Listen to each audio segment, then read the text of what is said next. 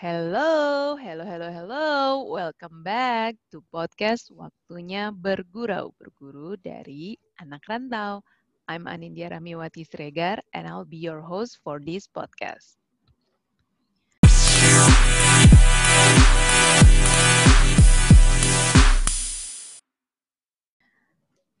Hello, hai hai hai, welcome back. Akhirnya uh, kita muncul di episode yang baru untuk podcast Waktunya Bergurau.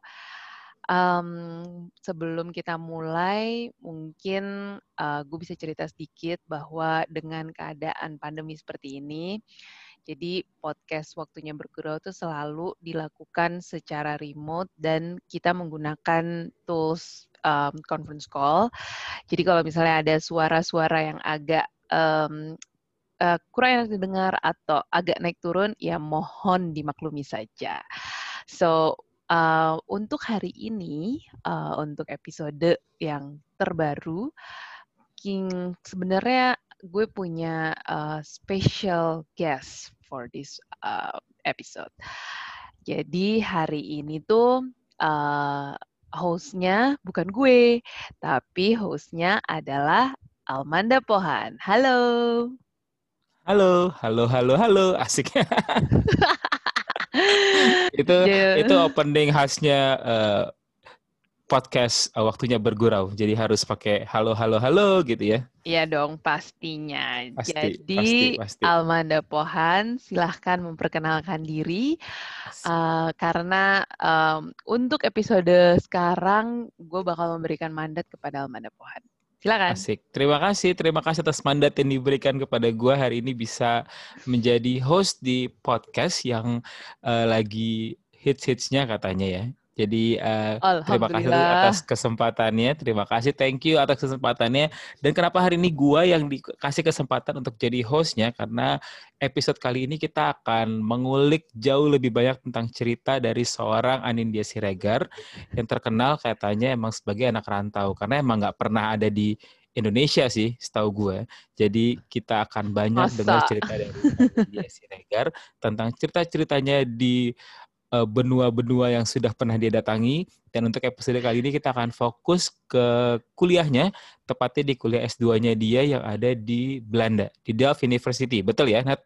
Betul sekali. Wah, Betul, jadi, nah dia. Uh, jadi episode sekarang gue bakal diobrak-abrik ya. Baiklah kalau begitu. Betul. Pertanyaan-pertanyaan sudah siap dari netizen-netizen yang tidak akan lo duga. Jadi kita akan mulai saja. Ini dia episode ketiga podcast Waktunya Bergurau.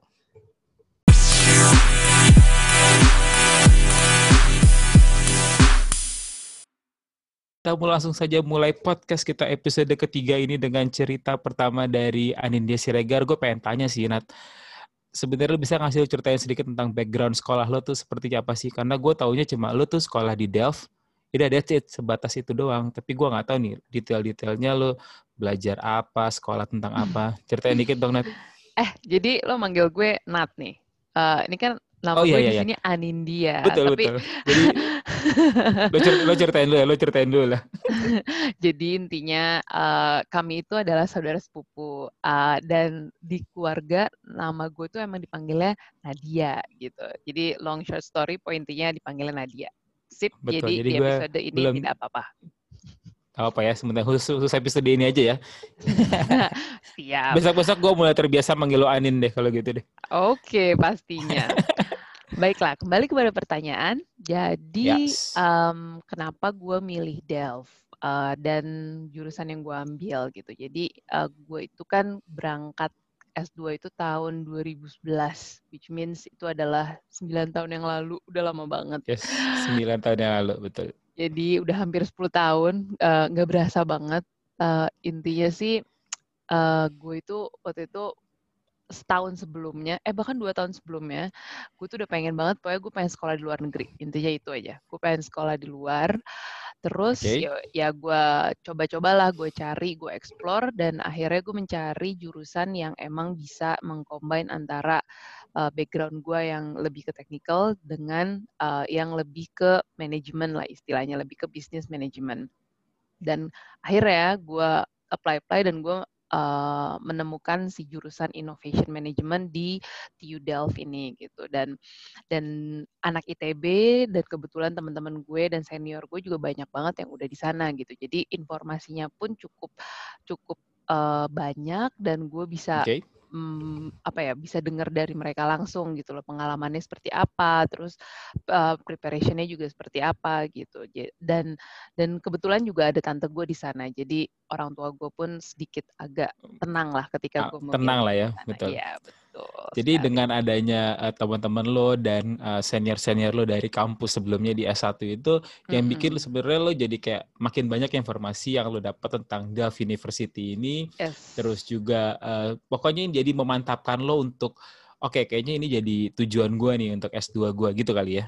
Ya, betul sekali. Dan ya, yang pastinya juga gue ngeliat bahwa uh, lulusan-lulusan dari yang TU Delft ya. sebelumnya, ya. anak Indonesia yang sebelumnya juga mereka uh, after S2 di sana juga mempunyai pengalaman kerja, mempunyai kelanjutan yes. kerjanya juga yang ya. luar biasa sekali gitu sih. Lebih lebih ribetnya itu preparation ketika nyari tempat tinggal pas di sana hmm, tuh. Okay.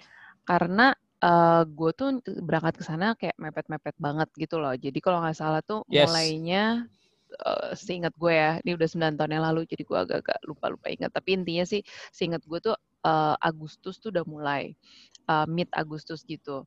Nah, dan gue berangkat tuh awal Agustus gitu. Jadi Uh, dan gue kan benar-benar buta gitu ya di sana tuh. Iya betul betul. Di mana universitasnya di mana, gue nggak tahu lokasinya, terus yeah. Iya. uh, tinggalnya di mana gitu kan.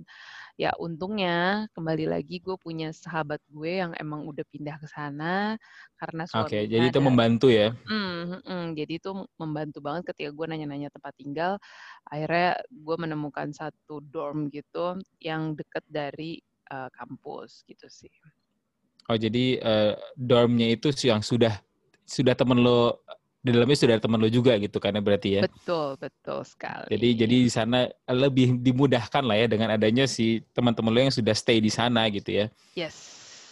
Betul. Terus sekali. kalau nih kan tadi lo bilang bahwa negara ini adalah negara yang baru menurut lo gitu ya. Mm-mm. Karena kan uh, sebelumnya nih uh, lo pernah kerja di Singapura, terus juga uh, kuliah di Bandung dan Belanda ini kan jadi negara yang uh, apa ya mungkin nggak belum belum terbiasa lah nggak nggak umum mm. lah buat buat lo gitu ya mm. cara susah nggak sih untuk adaptasinya Nat untuk pas pertama kali lo ke sana gitu karena kan susah pas ini kan beda ya maksudnya kalau sesama negara Asia mungkin mm. masih masih ada sama-samanya lah gitu tapi kan ini kan beda benua gitu ya mm-hmm. apa sih adaptasi itu tuh susah nggak sih kayak beda budaya beda kebiasaan gitu itu semua mm-hmm. bisa lo adaptasi gimana caranya Nat?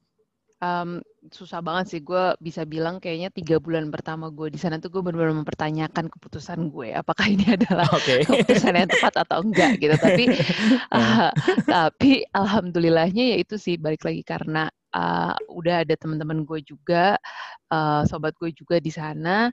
Um, jadinya tuh emang nggak terlalu berasa gitu. Jadi pas awal-awal emang emang kita tuh kayak uh, makan bareng gitu kan ada yang masak terus hmm. kita datang ke apartemennya itu terus kita uh, masak bareng makan bareng dan itu membuat kita jadi uh, membuat gua pribadi tuh jadi lebih cepat untuk adaptasi gitu sampai akhirnya ya uh, ya gua harus uh, hadapin gitu dan kebetulan kan di jurusan gue itu emang uh, banyak juga anak Belanda tapi banyak juga yang international student gitu. Jadi di situ nah. pun gue ngerasa kayak hmm, apa namanya budayanya tuh jadi lebih global gitu. Emang nggak nggak Dutch banget, tapi uh, apa namanya, gue gue masih punya teman-teman dari Iran, dari China, dari Jepang, okay. dari Korea, dan di situ tuh benar-benar membuat gue kayak, wow, gue bisa jadi lebih terbuka gitu sih. Tapi beda nggak sih maksudnya kalau mungkin dengan teman sesama Indonesia kan ya udahlah kita kayak ketemu kayak orang Indonesia mm -hmm. gitu ya. Mm -hmm. Tapi beda nggak sih kayak misalkan lo ketemu tadi ya international student lainnya gitu ya kayak dari mm -hmm. Iran, China dan lain-lain. Mm -hmm. Beda nggak sih tuh kayak cara pertemanannya mereka atau atau sama-sama aja ya temenan ya temenan aja gitu? Uh, beda sih kalau gue bisa bilang beda karena um, apa ya? Gue ngerasa kalau um, temenan sama international student masih tetap uh, kayak ada apa ya kayak ada independen independennya aja gitu. Kayak kalau misalnya hmm. lu temenan sama orang Indonesia kan lo ada posesif posesifnya juga gitu ya. Kayak eh lo hari ini mau ke mana? Lo hari yeah, ini yeah. Uh, mak makan apa? Yang kayak gitu gitu kan. Nah tapi hmm. kalau sama mereka ya udah gitu. Urusan urusan lo mau makan apa ya urusan lo gitu. Kalau misalnya uh, gue udah punya rencana mau ke mana ya gue bakal pergi sendiri gitu ya kayak gitu sih cuman uh, yang gue suka adalah uh, mereka tuh open banget gitu loh mereka tuh bener-bener hmm. bener-bener ngebuat gue belajar tentang perspektif yang lain gitu jadi kayak um, apa ya lebih direct terus lebih hmm. kayak orang Indonesia kan kadang suka aduh gue nggak enak deh uh, mikirin yeah, iya. perasaan yeah. orang lain gitu kan nah kalau mereka kalo ini straight to the point ya yes betul sekali yeah, jadi kalau ya. kalau dia bilang uh, enggak menurut gue nggak gitu uh, misalnya kita lagi diskusi ya karena kan kita hmm. banyaknya tugas kuliahnya kayak diskusi-diskusi gitu kan enggak kalau menurut gue tuh nggak gitu ya ya dia benar-benar ya ini aja ngekeh aja terus gitu Ya, ya, ya, ya. Jadi kalau Indonesia kan lebih kayak ya udah mendengarkan, ngikut-ngikut hmm, gitu kan. Hmm, hmm, Tapi betul. ini mungkin ada ada ada side yang berbeda lah ya. Betul sekali. Terus uh, balik lagi tadi ke ting uh, cerita lo tentang tempat tinggal ya. Hmm. Uh, bahwa lo tempat tinggal di sana adalah dorm ya. Dorm itu hmm. berarti itu adalah uh, dorm university lo atau atau gimana sih? Enggak sih. Gua kan sebagai kayak... orang yang tidak pernah ke sana nih. ah, iya, waktu kemarin gue tunggu-tunggu. Iya, uh, uh, intinya sih itu bukan dari sekolah. Jadi dia ada kayak ah. uh, swasta, ada ya ada property buildingnya sendiri. Tapi emang kayak cuman lima menit, 10 menit naik sepeda gitu dari dari kampus. Jadi di sana tuh gue jadi nah. bikers nah, gitu loh. Nah itu tuh yang menarik tuh. Gue jadi pas banget gue menanya soal itu sih. Karena kan mm -mm. gue lihat di foto-foto Instagram lo ya. Mm -mm. Lo tuh kan sering share tentang uh, transportasi favorit lo di sana ya, yaitu naik sepeda ya. Yang Betul. selama ini mungkin di Jakarta dan Bandung lo tidak pernah menyentuhnya gitu kan. Betul. Dan itu sepeda itu milik lo pribadi ya? Apa gimana sih? Milik gue pribadi. Jadi uh, pas nyampe sana tuh ya pasti ada lah ya toko-toko sepeda, tapi kan mahal kan dan biasalah kan ini budget pas-pasan gitu. Jadi akhirnya gue mencari yang second hand sepedanya. Jadi sepeda yang uh, bukan dari ya bukan baru lah intinya gitu. Uh, dan... seorang Anindya Siregar pakai sepeda second hand ini tidak mungkin terjadi di Jakarta. Oh, enggak Enggak, tapi beneran karena gue mikir adalah wah kalau misalnya hilang gimana nih? Karena apalagi kalau misalnya lu pergi ke kampus gitu kan. Ya iya sih gue beli apa sih namanya beli si gembok-gemboknya itulah ya. Tapi tetap yeah. aja gitu kayak di sana tuh sering banget sepeda hilang. Dan oh, asal oh, gitu. tahu iya asal tahu akhirnya gue sepeda gue ganti tiga kali. Karena hilang atau karena emang koleksi? Karena hilang Iya, jadi gue tuh suka ninggalin sepeda uh, di stasiun gitu kan. Terus dari itu gue naik kereta ke kota lain gitu. Jadi kan Delft itu di hmm. antara hmm. Rotterdam sama Den Haag. Ya terus gue jalan-jalan lah ke kota-kota itu karena kan lebih kota besar ya si ya. Rotterdam yeah. atau Den Haag gitu. Nah pas balik-balik tuh udah nggak ada. Kayak gitu. itu zong sih, itu zong sih. Iya, iya, iya, itu pengalaman yang tidak akan pernah terlupakan. Tapi intinya sih. Jadi, uh, tapi intinya Gimana? sih uh, uh, dengan punya sepeda itu uh, kadang tuh gue inget banget uh, gue pernah sampai ketiup angin dari satu jalur ke jalur yang lain. Yang mana itu oh, kayak, saking ininya ya, sang, saking saking, oh sih saking anginnya ya, bukan saking lo kurusnya tapi jadi oh, kebawa wow, angin tuh enggak ya. Ini karena angin, itu karena emang, angin ya, karena angin yang membawa lo ya. Iya, betul sekali. Anginnya kenceng banget dan itu gue kayak wah gila, nih gini-gini amat ya hidup gitu. harus ya, menerjang badai ya menuju kampus tuh menerjang Betul. badai ya sampai sepeda lo tidak kuat menahan semuanya itu ya. iya, betul. tapi sekali. nah, nih, entah lo masih ingat atau enggak ya, tapi hmm. waktu lo di sana nih, lo pernah cerita ke gue hmm. waktu itu waktu lo lagi ngerjain tesis ya kalau nggak salah. Hmm. Dan itu sempat mencengangkan gue, Nat. Gue mm -hmm. sama sepupu-sepupu yang lain tuh sempat kayak, ini Nadia bener nggak sih nih gitu. Karena dia tuh cerita tiba-tiba kalau lo tuh lagi internship tesis di Fokker, bener nggak sih? Bener banget. Jadi uh, ya, setiap setiap orang juga pasti kayak nanya itu, itu wow sih kalau sampai Fokker bener sih.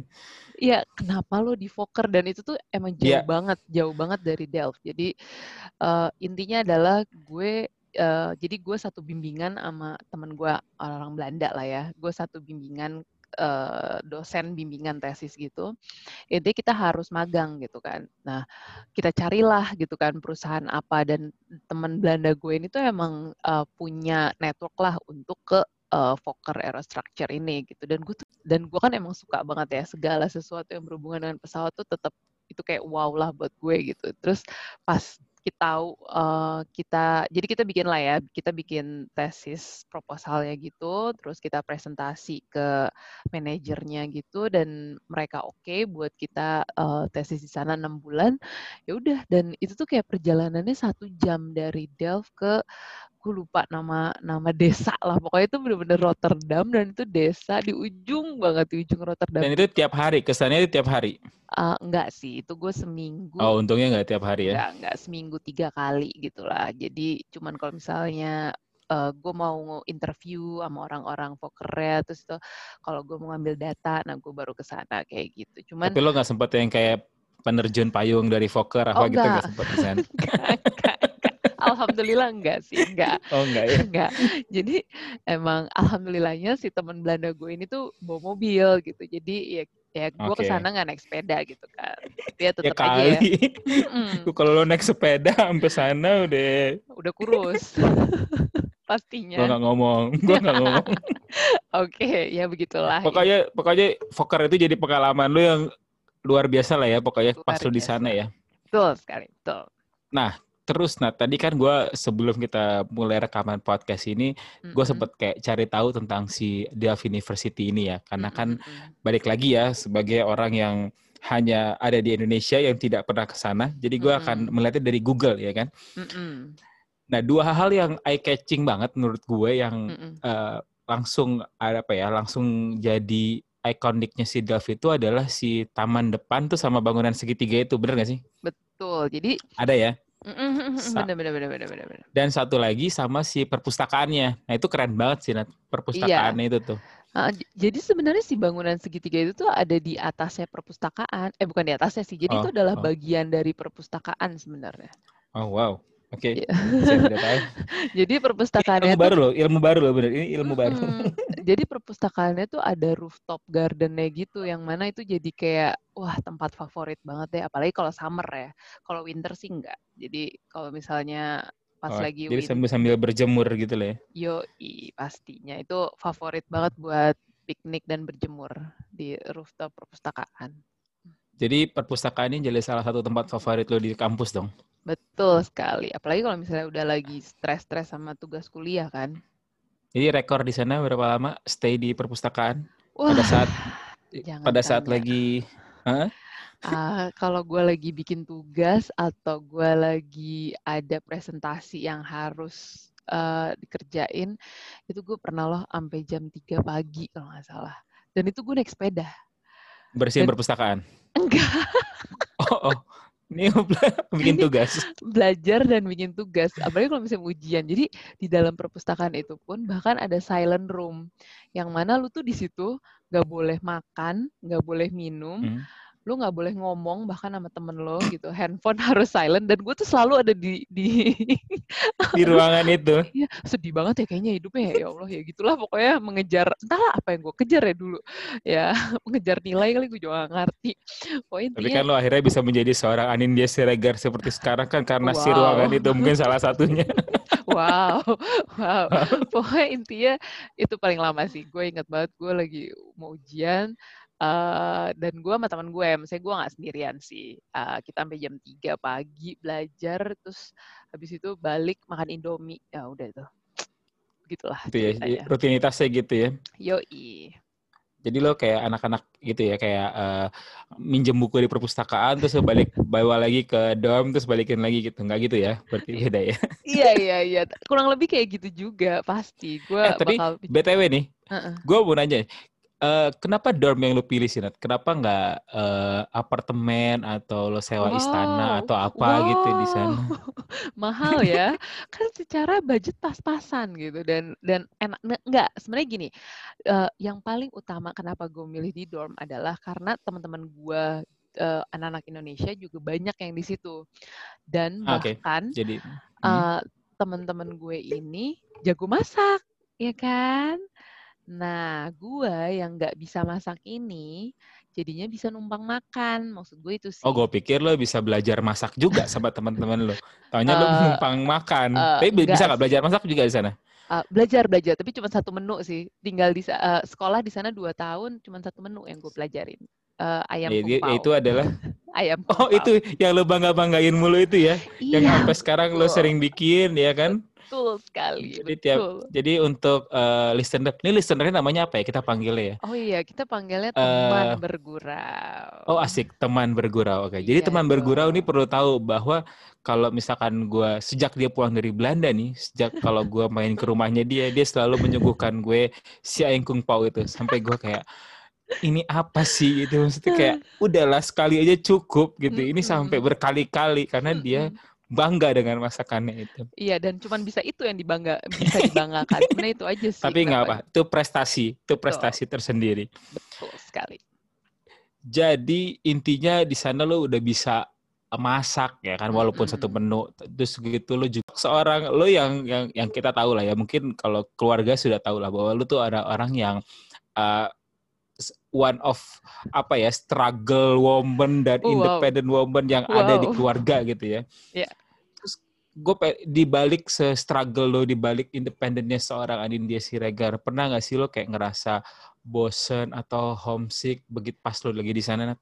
Wah pasti banget sih pasti banget pasti lah ya pasti iya. lah ya dan apalagi kan jauh banget ya ke sana tuh jadi akhirnya kayak uh, paling cuma setahun sekali gue itu balik pas mau lebaran doang yeah. gitu gitu sih Hmm, pas pas lebaran ya. Mm-mm, mm-mm. Jadi karena kalau ya. begitu kalau pas lo di Singapura mungkin masih bisa sering bolak-balik, tapi kalau di sana kayaknya juga effort juga ya, maksudnya untuk mm. waktunya dan lain-lainnya gitu ya. Yes, betul sekali. Jadi kalau lagi bosen lo ngapain? Lo hiburan apa sih di sana tuh anak-anak Indonesia yang ada di sana tuh ngapain sih? Uh, hiburan gue ketika gue bosen dan homesick adalah gue suka beberes itu sih. Uh, Sebenarnya dorm gue kecil banget. Jadi kayaknya cuma berapa meter persegi ya? 35 meter persegi kayaknya. Tapi Ini yang gue baru tahu juga sih.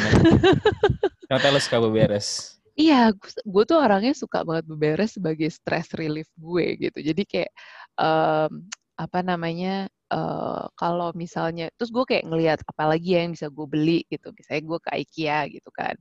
Nah, hmm uh, terus warnanya tuh gue matchingin. Gue kan suka banget warna merah gitu. Jadi karpetnya tuh itu gue kayak karpet bulu-bulu warna merah terus frame-frame wow. fotonya juga warna merah terus itu uh, um, bed covernya juga warna merah kayak gitu sih tapi yang pasti sih gue kayak beres-beres apa tuh ya entahlah kenapa kayak uh, frame-framenya tuh gue atur-atur terus uh, gue nulisin lagi uh, ya tadi uh, shopping list gue kalau misalnya nanti gue ke IKEA gue mau beli apa terus baju-baju ya gue obrak-abrik aja terus gue beres-beresin yeah. gitu padahal sih nggak gede-gede gede amat ininya dormnya. Gitu. Jadi lo me time aja di dalam dorm ya untuk untuk ngubah-ngubah gitu ya kayak beli iya. perintilan apa gitu-gitu ya. Bener, tepat banget. Tapi di sana juga kayak uh, nonton bioskop, konser apa gitu nah, pernah lo lakukan juga? Pernah sih pernah, pernah banget. Gue konser pasti karena ada Coldplay kan waktu itu dan dan um, Coldplaynya tuh nggak salah di Rotterdam. Terus harganya tuh oh.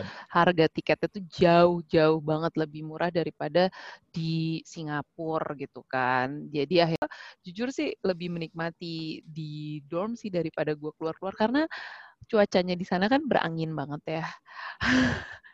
ya Jadi uh, walaupun sama manusia-manusia gampang masuk angin gitu kan, hmm, jadi harus wah benar tepat. mengumpat di dalam uh, pertapaan di dalam kamar aja cukup gitu ya. Yes, betul sekali, tepat.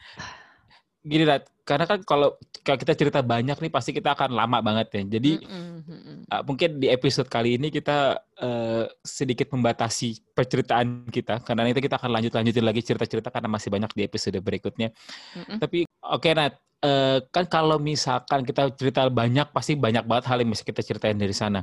Hmm. Tapi mungkin yang sedikit gue uh, dari dulu gue pengen menanyakan sih sebenarnya karena ini kan lo kan adalah seorang anak perempuan yang alhamdulillahnya mendapatkan izin dan mendapatkan hal yang dibundahkan lah sehingga lo bisa mm-hmm. berangkat ke luar negeri gitu ya untuk sekolah, mm-hmm. untuk uh, bangun uh, pendidikan lo di sana. Mm-hmm. Dan masih banyak banget nih sekarang mahasiswa-mahasiswi yang lainnya yang sedang berjuang juga di luar negeri mm-hmm. yang mungkin saat ini uh, sedang mendengarkan podcast waktunya bergurau.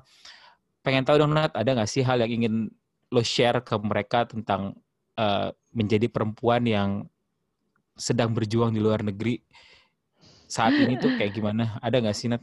Oke, okay. um, mungkin um, satu aja sih pesan gue. Uh, yang pasti uh, pengalaman itu nggak akan pernah bisa terbayarkan oleh apa pun itu aja sih. Karena um, pengalaman itu yang bakal lo ceritain nanti ketika lo uh, balik ke orang tua lo, ke keluarga lo, ke saudara-saudara lo, dan juga bahkan nanti ketika lo udah merit, lo bakal ceritain pengalaman lo juga ke anak lo gitu, yang mana um, maksudnya uh, pengalaman itu tuh lo nggak akan bisa temuin ketika lo cuma di hmm. Indonesia hmm. gitu loh. Pengalaman lo walaupun lo perempuan tapi lo harus naik sepeda, lo harus bisa nambal ban, lo harus bisa uh, apa namanya di misalnya di dormnya tuh ada rusak um, misalnya lo mau masang frame yeah, yeah. aja, masang jam, lo harus bisa maku, betul, betul. lo harus bisa malu kayak gitulah. Inti intinya sih kayak um, skill-skill yang lo nggak pernah kepikiran lo bakal harus punya di Indonesia karena lo tinggal di sana sendiri, lo harus ngelakuin apa-apa sendiri gitu. Dan uh, pengalaman itulah yang menurut gue paling berharga, yang membuat uh, membuat lo tuh jadi seorang perempuan yang lebih hebat lagi di tahun-tahun berikutnya. Itu sih. Jadi, Jadi tetap menurut, semangat, uh, tetap ya. semangat, jangan menyerah apa pun yang terjadi uh, apa pun itu masalahnya, uh, yakin aja kalau semua masalah itu pasti ada solusinya. Keep Jadi, on uh, fighting.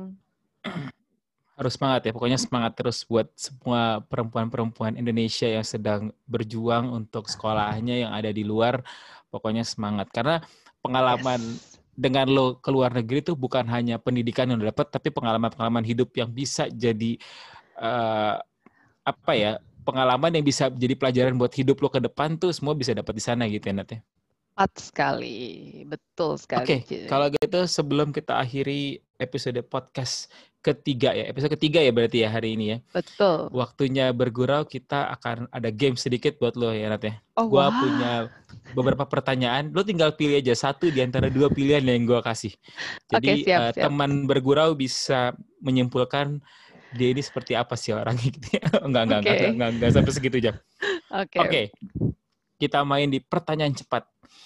Pertanyaan pertama, mata kuliah favorit lo di sana? Uh, uh, high tech marketing. Lama, terlalu lama mikirnya, agak lebih cepat. udah, udah high tech Belanda marketing. Oke. Okay. Pertanyaan yeah. kedua, mm -mm. makanan Belanda favorit lo? Uh, kapsalon.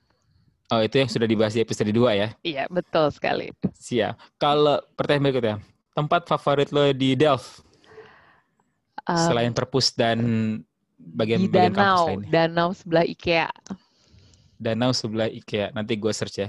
Kayak apa ya? Iya. Oke. Okay. Berikutnya, ini lo pilih ya antara dua pilihan ini ya. Mm-mm. Selesai kuliah, pilih kerja di Belanda atau balik ke Indonesia? Nah, waktu itu sih langsung kerja di Belanda. Oh, berarti lo sempat kerja di Belanda. Ya udah nggak apa, it's okay. Tiga Pilih tahun. itu dulu. Mm-mm. Tiga tahun di Belanda terus balik ke Indonesia ya. Ya betul sekali. Next question. Mm-hmm. Pilih Belanda atau Paris? Oh wow. Wow. Belanda. Belanda, benar ya? Mm-mm, mm-mm. Karena okay. ya udah huh? intinya intinya adalah gue merasa Belanda itu nyaman. Kalau Paris itu okay. bener-bener lo ya udah buat shopping, buat uh, ya buat liburan lah intinya gitu. Oke, okay. next question. Pertanyaan berikutnya. Belanda atau Bandung? Oh, astaga. Ini pertanyaan sulit. Pertanyaan sulit karena nggak usah nggak usah nggak usah dijelasin juga nggak apa. Mending lo jawab aja Belanda atau Bandung. Menurut lo, menurut seorang Anin Siregar, Bandung atau Belanda? Nggak usah dipilih. Eh nggak usah nggak usah dijelasin, tapi lo pilih aja. Bandung. Bandung. Oke. Okay. Oke. Okay. Pertanyaan terakhir. Ini yang paling penting dan harus didengar. Oke. Okay. Ditembak di pakaian ITB atau ditembak di bawah Menara Eiffel? Oke, okay, teman bergurau. Thank you for listening. Sampai ketemu lagi di episode berikutnya. Amanda Pohan, Anindya Siregar. Jangan lupa bye, saksikan bye. episode berikutnya ya di waktunya bergurau. Bye. Bye bye. Thank you guys. Oh my god. Thank you.